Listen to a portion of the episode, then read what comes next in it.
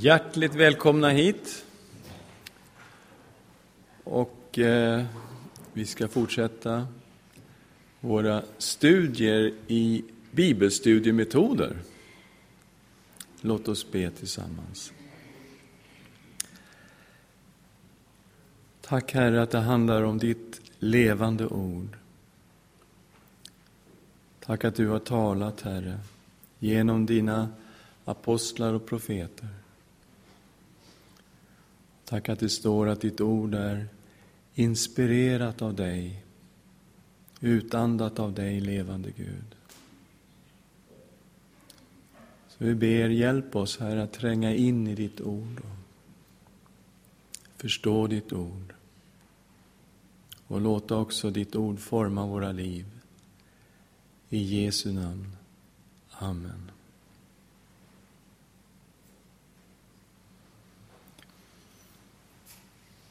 Ja, förra gången så gick vi igenom hur man gör ett bokstudium. Och vi använde Galaterbrevet som ett exempel på hur man kan göra det.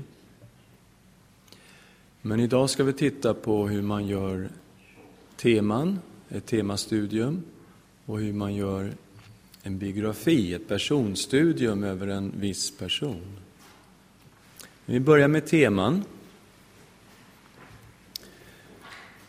Och eh, I ett temastudium då så undersöker man ett tema i hela Bibeln, till exempel den heliga Ande som vi har gjort tidigare här, eller en del av Bibelns undervisning i ett visst ämne. Till exempel Jesu gudom i Johannes evangeliet som vi också har gått igenom här. Man liksom begränsat det då eftersom man tyckte att Johannes evangeliet är jätte, jättestort. Men så hittar man ett huvudtema i evangeliet. Och då går man efter det temat och, se, och tittar hur är det temat utvecklat genom hela Johannes evangeliet.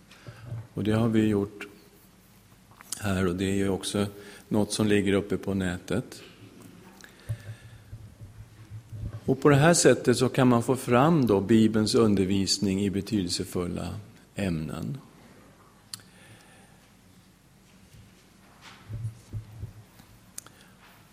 Och det är viktigt att varje bibeltext tolkas i sitt ursprungliga sammanhang.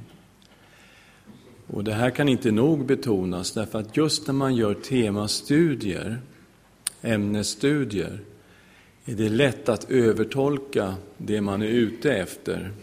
Eh, man liksom kan rycka verserna ur sitt sammanhang och sätta ihop då ett studium och ibland anklagar vi Jehovas vittnen för att göra just det, men om vi inte passar oss så gör vi samma sak själva. Så att eh, just det här med bibelsammanhanget som versen står i, är otroligt viktig för att förstå hur vi ska tolka just den här versen, för den sitter ju trots allt inne i en bibeltext. För om man bara rycker, och då kan man ju faktiskt få Bibeln att säga precis vad man vill. Så det är en liten varningsflagg som går upp här. Och de två nyckelfrågorna, de tittade vi på förra gången också. Vad menade författaren när han skrev boken? Och vad förstod mottagarna när de läste boken? Det är ju de två nyckelfrågorna som man jobbar med för att försöka komma ner till den ursprungliga betydelsen. Den ursprungliga betydelsen är ju väldigt viktig, konstaterade vi förra gången, för det är just det som är Guds ord till galaterna eller till efesierna. Och därifrån kan man sen titta på tillämpningar, men man måste liksom jobba sig ner mot den här punkten och försöka besvara de här två frågorna. Det är viktigt.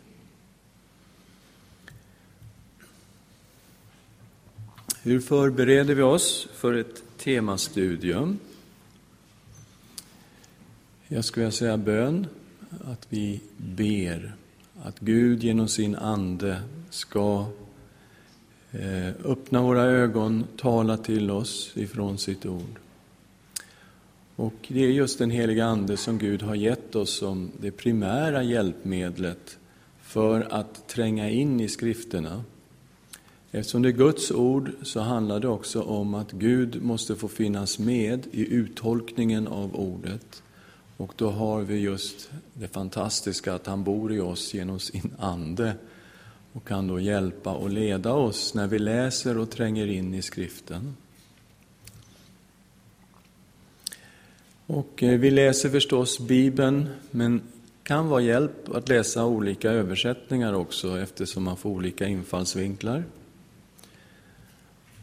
Och uppslagsverk kan vara bra. En biblisk ordbok är mycket viktigt just när man gör temastudier.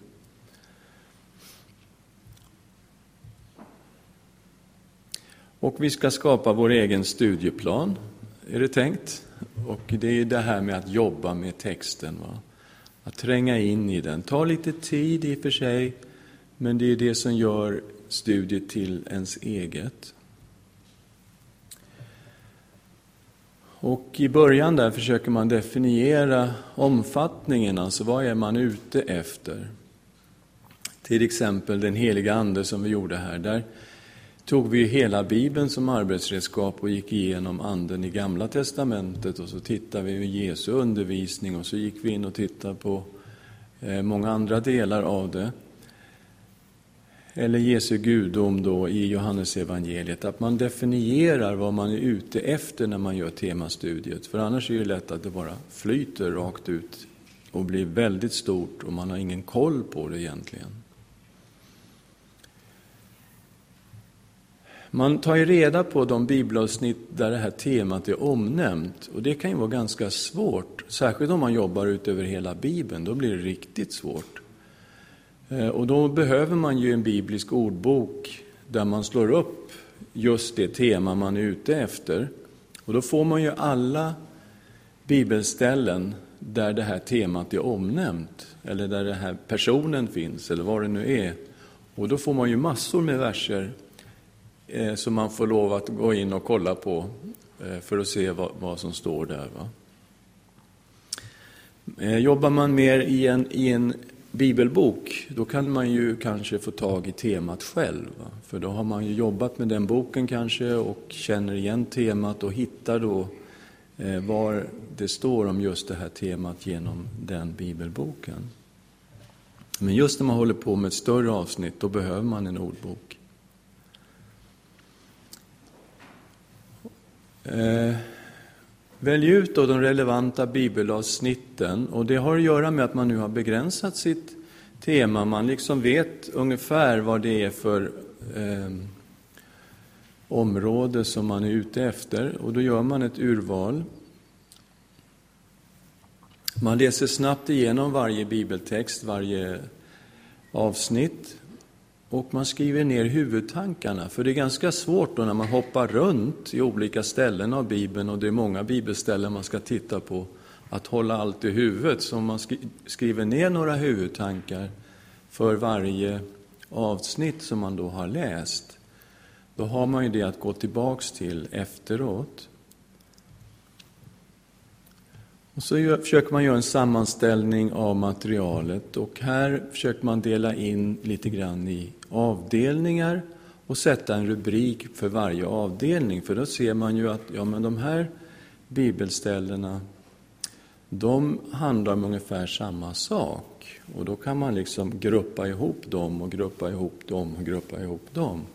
Så får man ju några huvudavdelningar och på så sätt blir det lite struktur redan från början då när man sätter rubrikerna på det här sättet.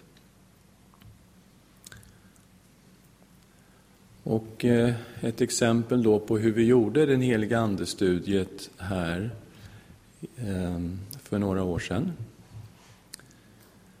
Där gick vi först in då och tittade på anden i GT, Gamla testamentet.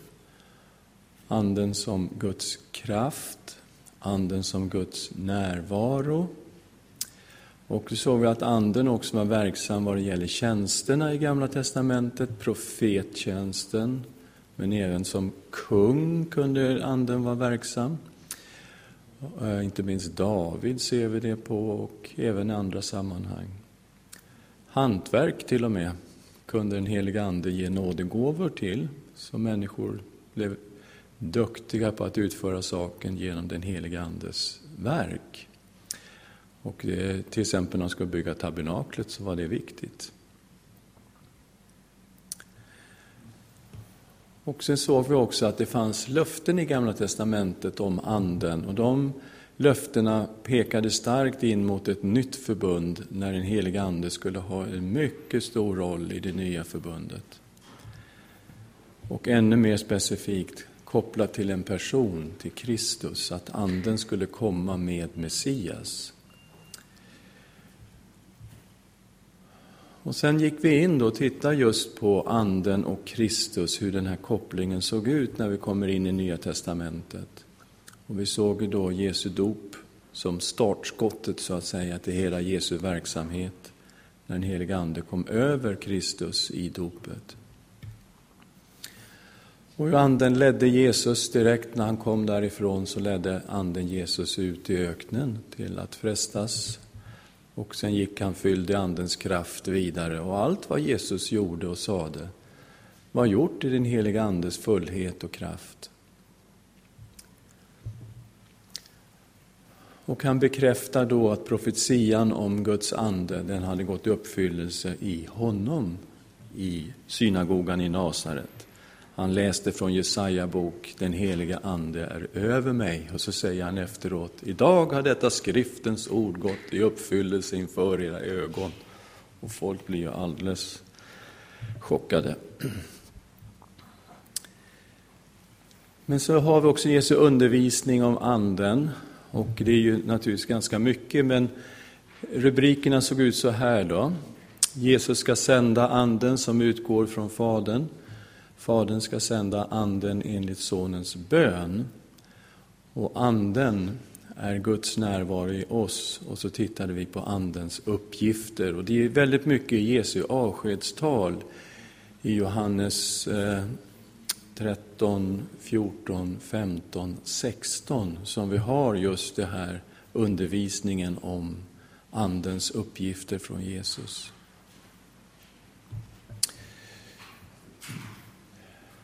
Sen hade vi en där vi tittar på Andens egenskaper. Vem är den heliga Ande? Att det inte bara alls är en kraft, utan heliga Ande är ju en person.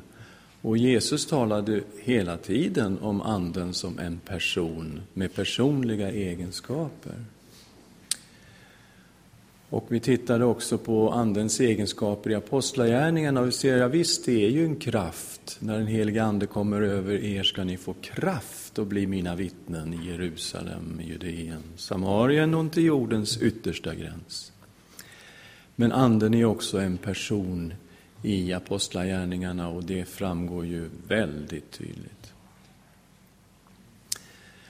Och i Andens gudom då, Anden är densamme som Gud, enheten i gudomen, tre personer i gudomen.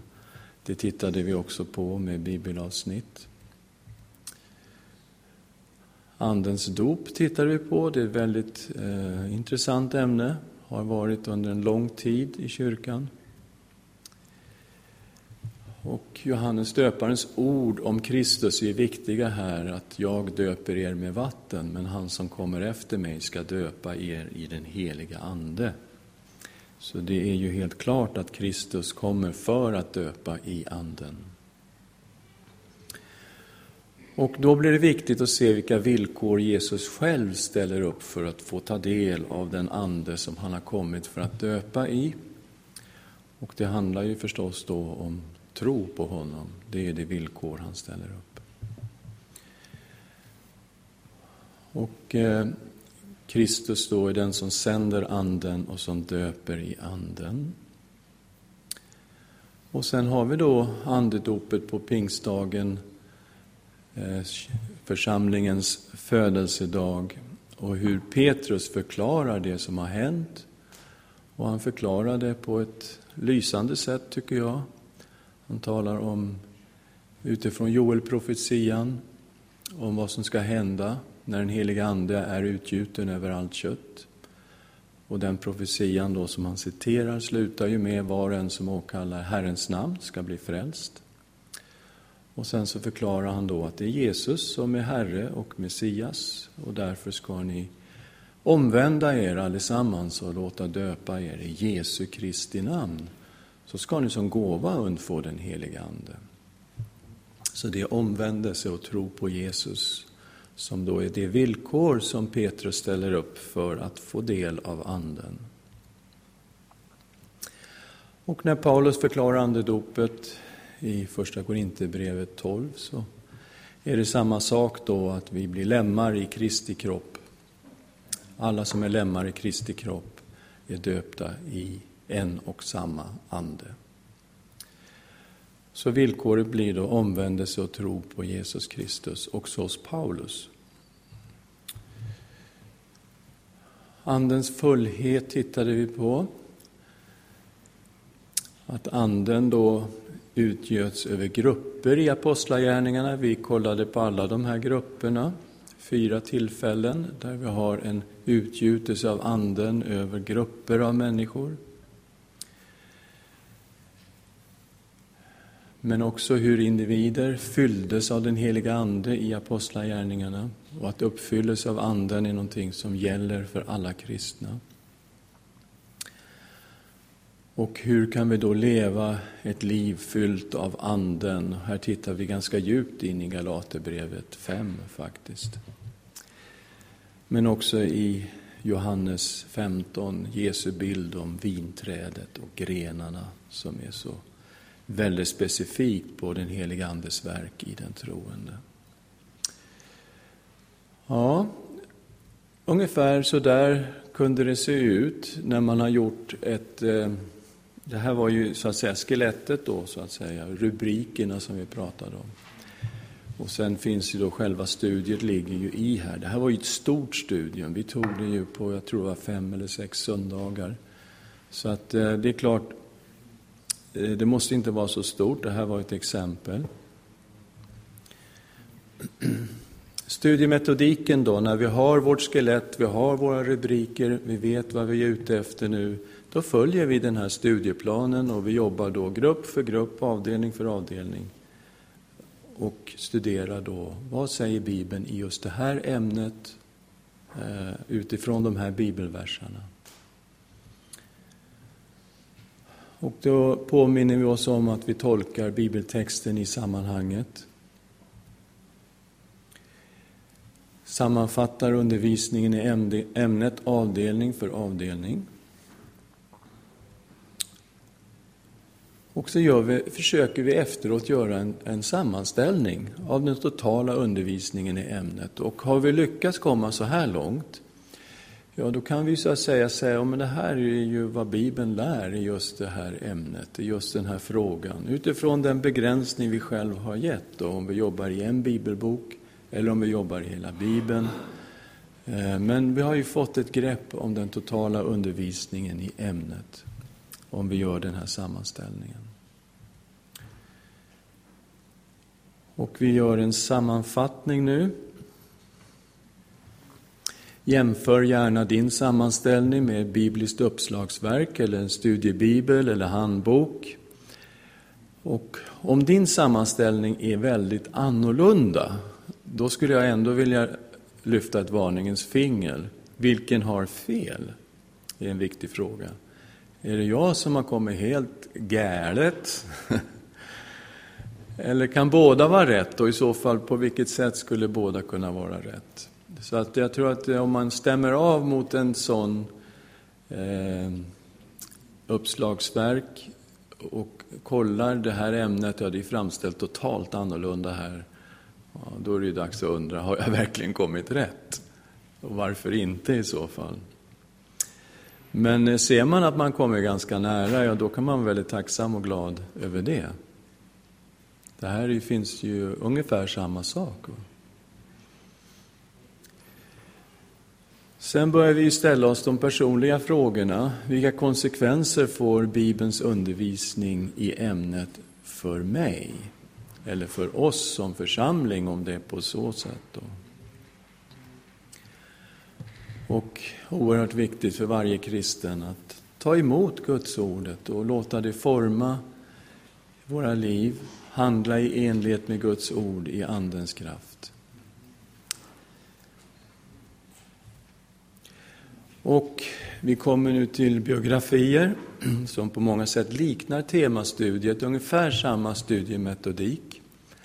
Men Bibeln lyfter ju fram många olika människor. Det spelar ingen roll var man är, i Gamla eller Nya Testamentet, så hittar man ju folk hela tiden. Och beskrivningar av deras liv, och det som är lite intressant med Bibeln, det är ju att Bibeln inte döljer människornas svagheter, och inte ens deras synder. Det, det liksom står bara där, rakt upp och ner.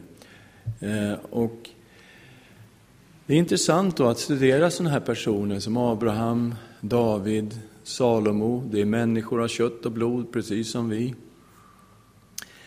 Och genom att specialstudera deras liv så får vi viktig information om Gud och deras förhållande till Gud och till människor. Och eftersom vi har tillgång till Bibeln så kan vi alltså studera deras liv med facit i hand, det vill säga vi kan också se hur gick det för dem. Eh, oj, det började bra och slutade värdelöst, typ. Det är sånt man kan se eftersom vi har Bibeln. Vi, har liksom, ja, vi kan ju se hela biografin, hur den är utlagd i Bibeln. Och ibland då så uppmuntras vi att följa deras exempel, men ibland varnas vi för att följa människornas exempel i Bibeln. De blir, eh, blir så att säga ett exempel på något man ska akta sig för eller så.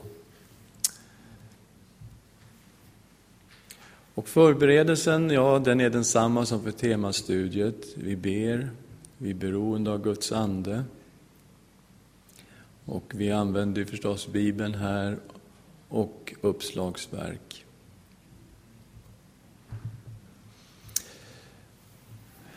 Studieplanen blir då ungefär densamma som för temastudium. Man tar reda på bibelavsnitt där personen är omnämnd. Och här blir då en biblisk ordbok kan vara till stor hjälp, särskilt om det är personer som omnämns på väldigt många ställen i Bibeln, typ Abraham. Jag menar, det är ju, får man ju leta ganska mycket i Nya Testamentet också om man ska få fram alla bibelställen om Abraham. Och man definierar då omfattningen. Ska man jobba i hela Bibeln, som vi faktiskt gjorde med Abrahamstudiet, där gick vi ju först från Första Mosebok, men så såg vi också hur det här fördes rakt in i Nya Testamentet och Nya Förbundet och vad det då hade för genomslag i Nya Förbundet. Så att det var så vi jobbade med Abrahamstudiet. Men man kan begränsa sig mer, till exempel Mose som ledare, då har man liksom smalnat av, står ju mycket om Mose från Andra Mosebok fram till femte, men man smalnar av just de här avsnitten, då kan man jobba på ett eh, ja, det mer, blir mer gripbart helt plötsligt. Man vet vad man är ute efter. Och man väljer ut då de här relevanta bibelavsnitten. Och igen, man läser varje avsnitt, skriver ner huvudtankarna och gör den här sammanställningen, skelettet så att säga. Försöker få de här rubrikerna eh, så att man har en studieplan. Bakgrunden är ganska viktig tycker jag när man gör personstudier. Eh, vad hittar man då för detaljer i Bibeln om kulturen på den tiden, historia, vad, vad kan man se där? Vad hade de för trosuppfattningar? Vad, eh, Eh, var det avguderi? Vad, vad höll de på med? Familjesituationen kan ju vara ganska komplicerad ibland, men det står ofta en hel del om det i bibeltexterna. Och eh, läs då gärna ett bibliskt uppslagsverk om den här personen. Då får man ju mycket vad det gäller kultur, historia, platser, geografin, hur såg det ut? Och all den här fördjupningen gör ju att man liksom känner att man kommer närmare personen i fråga. Man får ju liksom, det är ungefär som att man läser en bra bok. Va? Och eh, den bra boken ger ju just de här beskrivningarna så man liksom känner att man förflyttar sig in i tid och rum även om det liksom är 300 år tillbaks i tiden och helt plötsligt lever man ju i det där. Och det är just för att författaren har ju då gjort en sån här sak innan de skrev sin bok. Va? Så att de kan förflytta läsaren in i tid och rum. Och det här hjälper en, det ger ju ett djup hela tiden, man kommer närmare den person som man ska studera. Och man antecknar sånt då som kan vara relevant för studiet. Och eh, ett exempel då som jag gjort här är ju Salomo. Vi tittade på det under rubrikerna vishet, framgång och fall.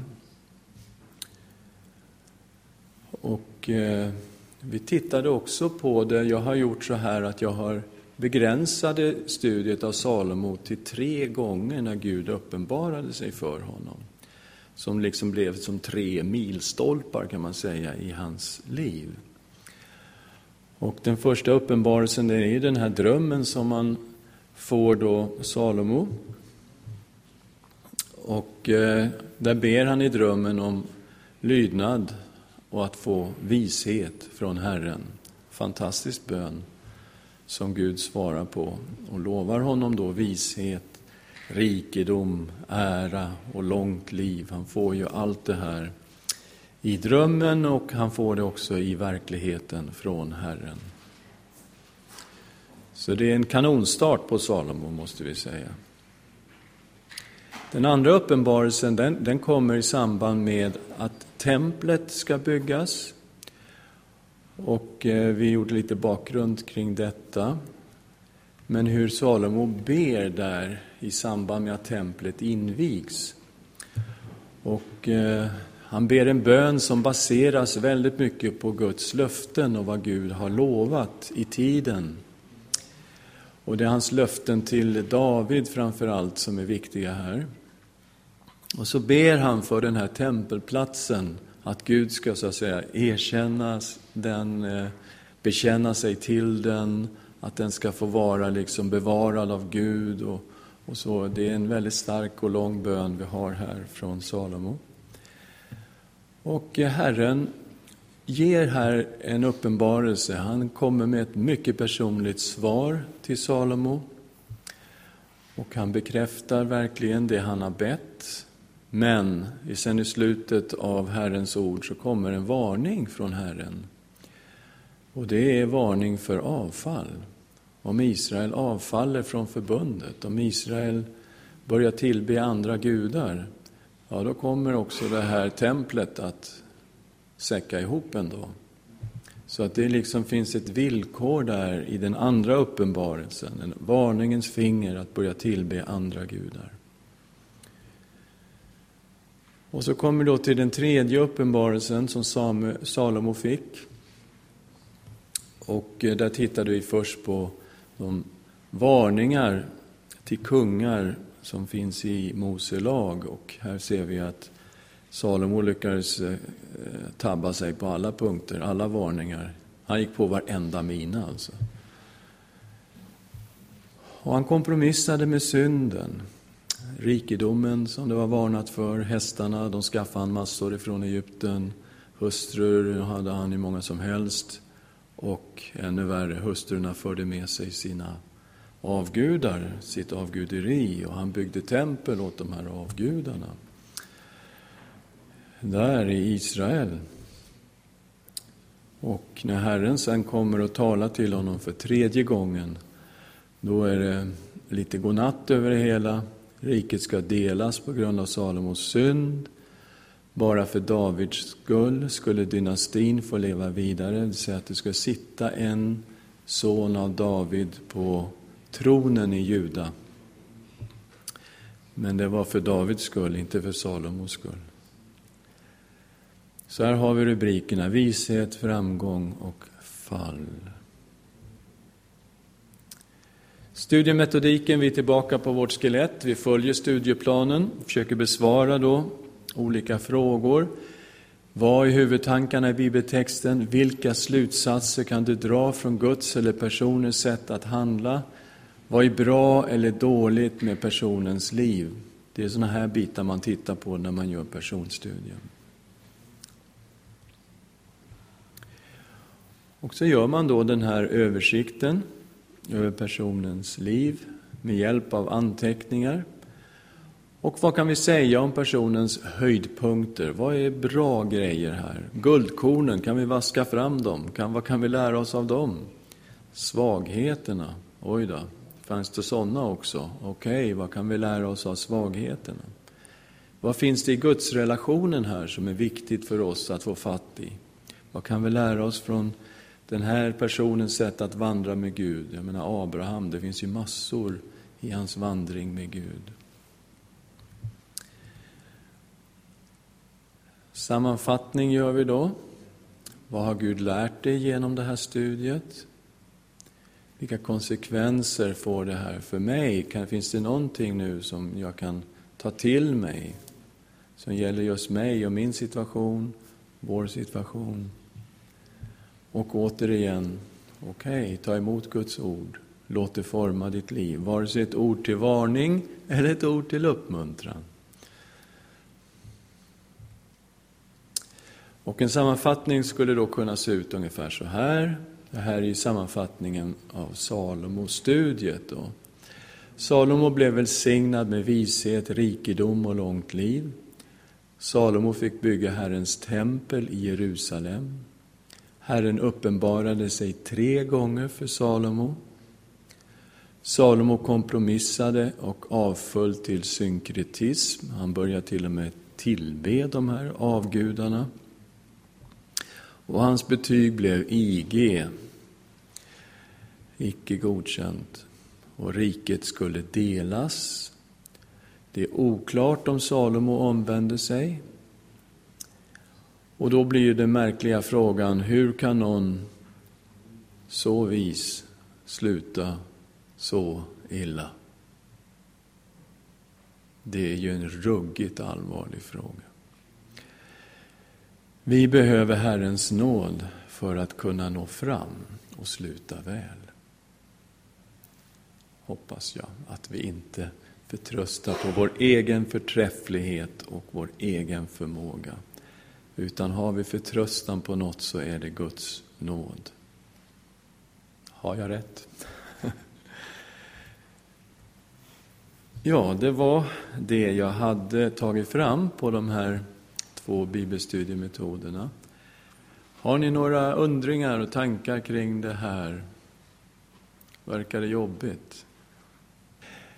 Det låter som ett heltidsjobb, men det behöver inte vara det. Om man tar ett tema till exempel. Eh, temapredikningar är väldigt vanliga predikningar. Jag tror de flesta predikningar vi hör i våra predikstolar skulle kunna vara temapredikningar.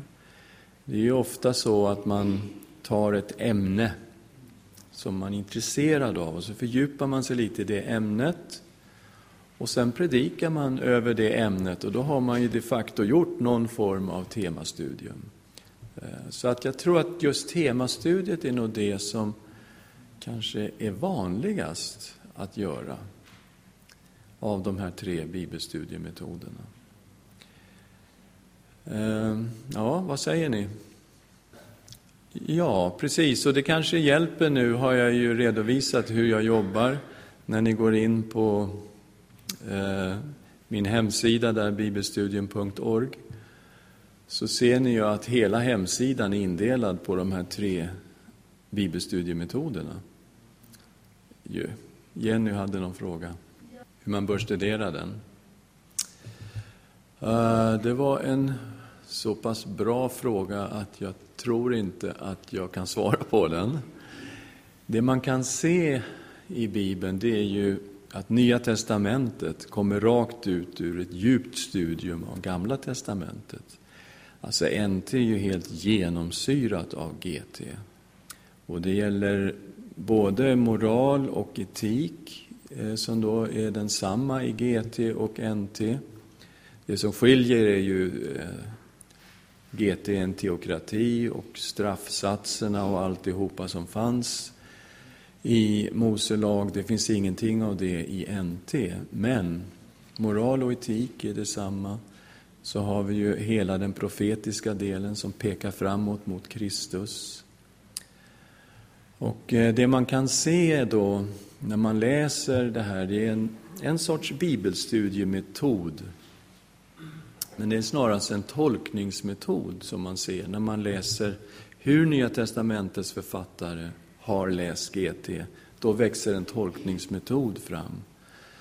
Och det är att eh, man läser alltså eh, att Gamla testamentet så att säga fått en uppfyllelse i det nya testamentet och en uppfyllelse i Kristus. Som Paulus säger att alla Guds löften, så många de är, har fått sitt ja och sitt amen i Jesus Kristus. Och eh, om man tittar mer, skrapar lite på ytan då från det här allmänna pratet jag håller på med nu, så, så kan man ju se då att eh, allt som fanns i det gamla förbundet har en motsvarighet i det nya förbundet. Och det är talet om, om riket, om staten, ja det finns ju i nya förbundet. Men där är talet om Guds rike. Eh, där överste prästen i det gamla är Kristus i det nya, kungen i det gamla, Kristus i det nya. Prästafolket, alltså det präst, prästerna, det är det allmänna prästadömet i det nya förbundet. Templet, ja det är ju församlingen eh, som är templet. Samtidigt är vi tempel med den heliga Ande som bor i oss och Guds härlighet i oss. Som församling och som enskilda. Offren i det gamla förbundet, det talar hela tiden mot Kristi offer i det nya förbundet. Så det spelar ingen roll vad du tar i det gamla förbundet, så ser du att här finns en tanke att det här har uppfyllts i Kristus och det här är uppfyllelsen. Så visst växer det fram en, en tolkningsmetod som är kristologisk, får vi säga först då, och då menar vi att vi tolkar GT i ljuset av Kristus hela tiden. Det gjorde de som skrev Nya Testamentet. Så visst, det finns någonting här, men jag kan inte svara riktigt enkelt på en sån fråga. Ja, ska vi be? Vi ber. Tacka dig, levande Gud, att du inte varit tyst. Att vi inte är så att vi ska treva och famla oss fram och försöka själva komma på saker och ting utan att du är en Gud som har talat. Och du har talat rakt igenom historien. Och tack Herre för Bibeln som vi har att tillgå, ditt levande ord. Tack att du talar till oss, både som församling och som individer genom ditt ord. Herre, gör oss till läsare av ditt ord. Ge oss nåd att få tränga in i ordet och äta av det, Herre. Vi vet att det är mat för våra själar. Tack, gode Gud, för att du har talat och att du talar till oss idag. I Jesu namn. Amen.